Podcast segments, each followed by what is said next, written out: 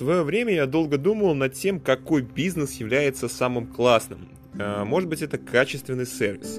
Может быть, это крупный конгломерат, который зарабатывает деньги не для себя, а для огромного количества людей, которых э, ну, он содержит, которые в нем работают. Как, например, э, ну, неудачный пример Disney, Coca-Cola, тоже в свете удачных падений прибыли, не совсем удачный пример.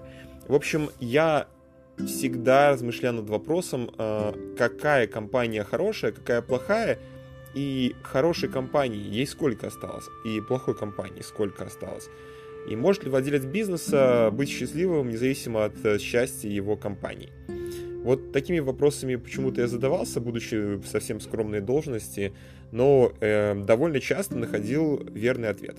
И сегодняшний мой пример, он скорее не о компаниях, которые теряют что-то, а потом появляются новые, а, и закрываются старые, вообще в каком-то круговороте, да, а, бизнеса, а скорее о том, что а, хороший бизнес, плохой бизнес. Это довольно часто убеждение, с которым спорят, но сколько я себе помню, вот эм, хороший бизнес именно с точки зрения экономической прибыльности, с точки зрения, он всегда немножко наебывает, потому что не бывает, наверное, людей, которых не наебали, и нет также людей, которые а, не хотят быть наебанными. Вот я почему-то по стечению обстоятельств очень сильно люблю, когда меня наебывают. Причем наебывают так хитро, изощренно, ну и красиво. Единственный, а, наверное, пример, когда я не полюбил хоть какой-то вид э, обмана меня самого любимого, это кредиты.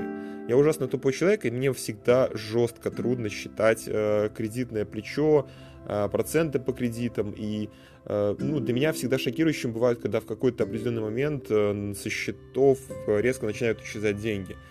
Причем вроде бы при равномерном их ну, распределении, да, и оплате там какими-то частями, там более-менее долями. Но вот э, вспоминая даже кредитный календарь свой, я иногда не понимаю, почему вдруг э, начинают, собственно говоря, сыпаться проценты, хотя наверное, я просто не, не, слежу за экономикой. То есть я довольно часто пропускаю важные вещи, когда коэффициенты э, ставок повышаются и начинается дело Белгазпромбанка. Вот. И это была шутка, если что. А, я думаю, что на самом деле в свете последних событий не стоит, наверное, нам говорить о процентах, тем более, что уже правительство Беларуси заявило, что проценты это преступный сговор, их махинация, можно их в Беларуси не выплачивать. Э, и быть э, совершенно себе нормальным человеком. Наверное, это будет приятно услышать банкам, которые кредитуют население сейчас. Э, и вообще говоря, я думаю, что будет интересно и вам узнать в данном случае, что я долгое время считал и считаю, несмотря на то, что пользуюсь активно кредитными вообще ну, всякого рода договорами и, э, так сказать, являюсь э, немножко таким минусовым человеком в плане планирования. У меня нет дебетовых вложений, нету каких-то вложений в недвижимость, в автомобиль. Я проедаю все одним днем. И, в общем-то, глядя на все это, я понимаю, что, наверное, в какой-то момент стоит что-то менять. И недавно, Э, я это понял совершенно окончательно, когда э, буквально сегодняшним днем оформлял э, консультационные услуги по обращению в польский ну, если коротко, то в Польшу, потому что сейчас в Польше действует всего три вида виз. Это учебная, рабочая и еще дополнительно действует для перевозчиков визы. Соответственно, если вы просто хотите поехать в Польшу с целями бизнеса или с туристическими целями, будет немножко затруднительно это сделать. И я вам искренне советую, если у вас есть возможность сделать карту поляка, пока это еще не поздно. Не об этом суть.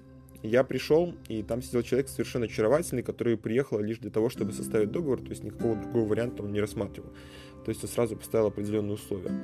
При этом не было ни отзывов о его сервисе, ни в целом было понятно, кто он.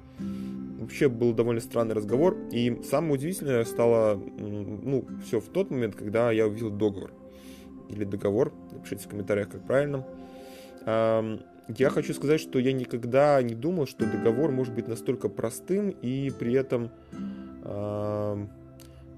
скажем так, объ... всеобъемлющим. То есть, когда ты просто, ну, вы покупаешь консультационные услуги, э, простите, э, консультацию, вы никогда не задумываетесь ведь над тем, что именно вы берете.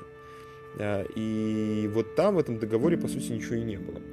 Но при этом сумма была совершенно очаровательная, и я хочу сказать, что я серьезным образом задумался, тем ли я занимаюсь, и стоит ли мне так заморачиваться с договорами, если все равно, по большому счету, исходя из моего опыта, всем на них насрать. То есть захочет там подрядчик твой, да, будет платить, или заказчик. Не захочет, не будет платить. И никакой суд не поможет и не докажет твои права, особенно в нашей стране. И вот это вот наплевательское отношение, я, знаете, на самом деле начинаю его разделять, и на сер... ну, я действительно понимаю, а, почему бизнес в нашей стране, он живет все еще. Наверное, по той простой причине, что когда ты соблюдаешь все правила и законы, а, есть Э, вероятность, что ты просто затрахаешься. А когда э, за дело берутся люди, которым, в принципе, по большому счету договора, счета, ошибки в них не столь важны, а все можно списать на бухгалтеров, которых тут огромное количество в нашей стране развелось, и труд их дешевеет с каждым днем, э, то сразу возникает и резонный ответ, что вероятнее всего э, нам с вами, ну, то есть мне и тебе, э, не стоит, в принципе, уже ни на счет чего-либо париться, и вообще можно вести себя как настоящее хамло и скот. И, наверное, в этом и суть успешного бизнеса в нашей стране, что если ты не наебываешь людей, с которыми ты работаешь, то, соответственно, есть большая вероятность, что и э, никакого другого э, результата, то есть э, не будет твоих действий, кроме как негативного в плане зарплат. То есть э, вам просто необходимо обманывать покупателя, чтобы зарабатывать деньги. Э, и это такая вот стезя или длинная линия, э, которую я вижу на протяжении уже многих лет. Я ведь видел клиентов и со стороны недвижимости, и со стороны автомобилестроения, и со стороны медицинских центров. Много самых разных представителей и компаний я наблюдал, и удивляюсь каждый раз, откуда они находят рекламные бюджеты на совершенно удивительные вещи. Ведь, ну, э, нет порой какой-то необходимости большой в том, чтобы делать какую-то рекламу, которая, очевидно, не принесет выгоды. Но когда э, отдаются целые отделы э, на решение каких-то таких невз... Ну, невз... Ну, невзрачных проблем, по большому счету, э, меня это всегда удивляет. А, поэтому, исходя из своего рекламного опыта, у меня реально складывается ощущение, что бизнес, который ведет себя по-хамски, это и есть самый рентабельный бизнес. Тот, который может сделать э, достаточную рекламу, э, который может предложить своим клиентам э, минимальное количество сервиса, отходя от которого они, соответственно, сделают наценку. И не факт, что за эти деньги вы получите соответствующий результат, ведь, возможно, человек, который будет делать ремонт, будет либо увольняться, либо просто не будет иметь желания делать свои вещи хорошо, ведь по большому счету ему плевать, где работать. И именно таких людей нанимают порой, потому что больше некому работать в плохих компаниях. И именно поэтому плохие компании успешны, потому что люди из них не хотят, но что-то выжимают. А, вот такое позиционирование бизнеса, наверное, возможно только у нас. И то, что мы гордимся тем, что у нас есть такой бизнес, ну, мое мнение, что, наверное, это не то, э, не то, из-за чего стоило бы радоваться. Вот. Поэтому я и записал этот подкаст, потому что немного обидно, что я в своей жизни занимаюсь какой-то дрянью и противоестественными вещами, и именно дрянь и противоестественные вещи у меня получаются хорошо. А говоря о вещах, которые, ну, вызывают, например, реальные какие-то результаты, да, должны делать, там, серьезные исследования, э, фактически анализ, э, рекомендации, которые, очевидно, должны сработать. Э, Все это обычно превращается в какой-то фарс, накачку трафика и легкомысленное поведение с соцсетями. Мне кажется, что любой бизнес, который будет продавать таким образом свой товар или услугу, будет успешен. А тот, кто будет анализировать и решать, а, будет а, чувствовать себя некомфортно на рынке, довольно быстро сдуется и закроется. Если ты согласен со мной, ставь лайк этому подкасту. Меня зовут Кравец. Ищи меня на Google, Apple, Spotify и других платформах. Spotify в Беларуси пока не работает, но мы ждем. Всем добра.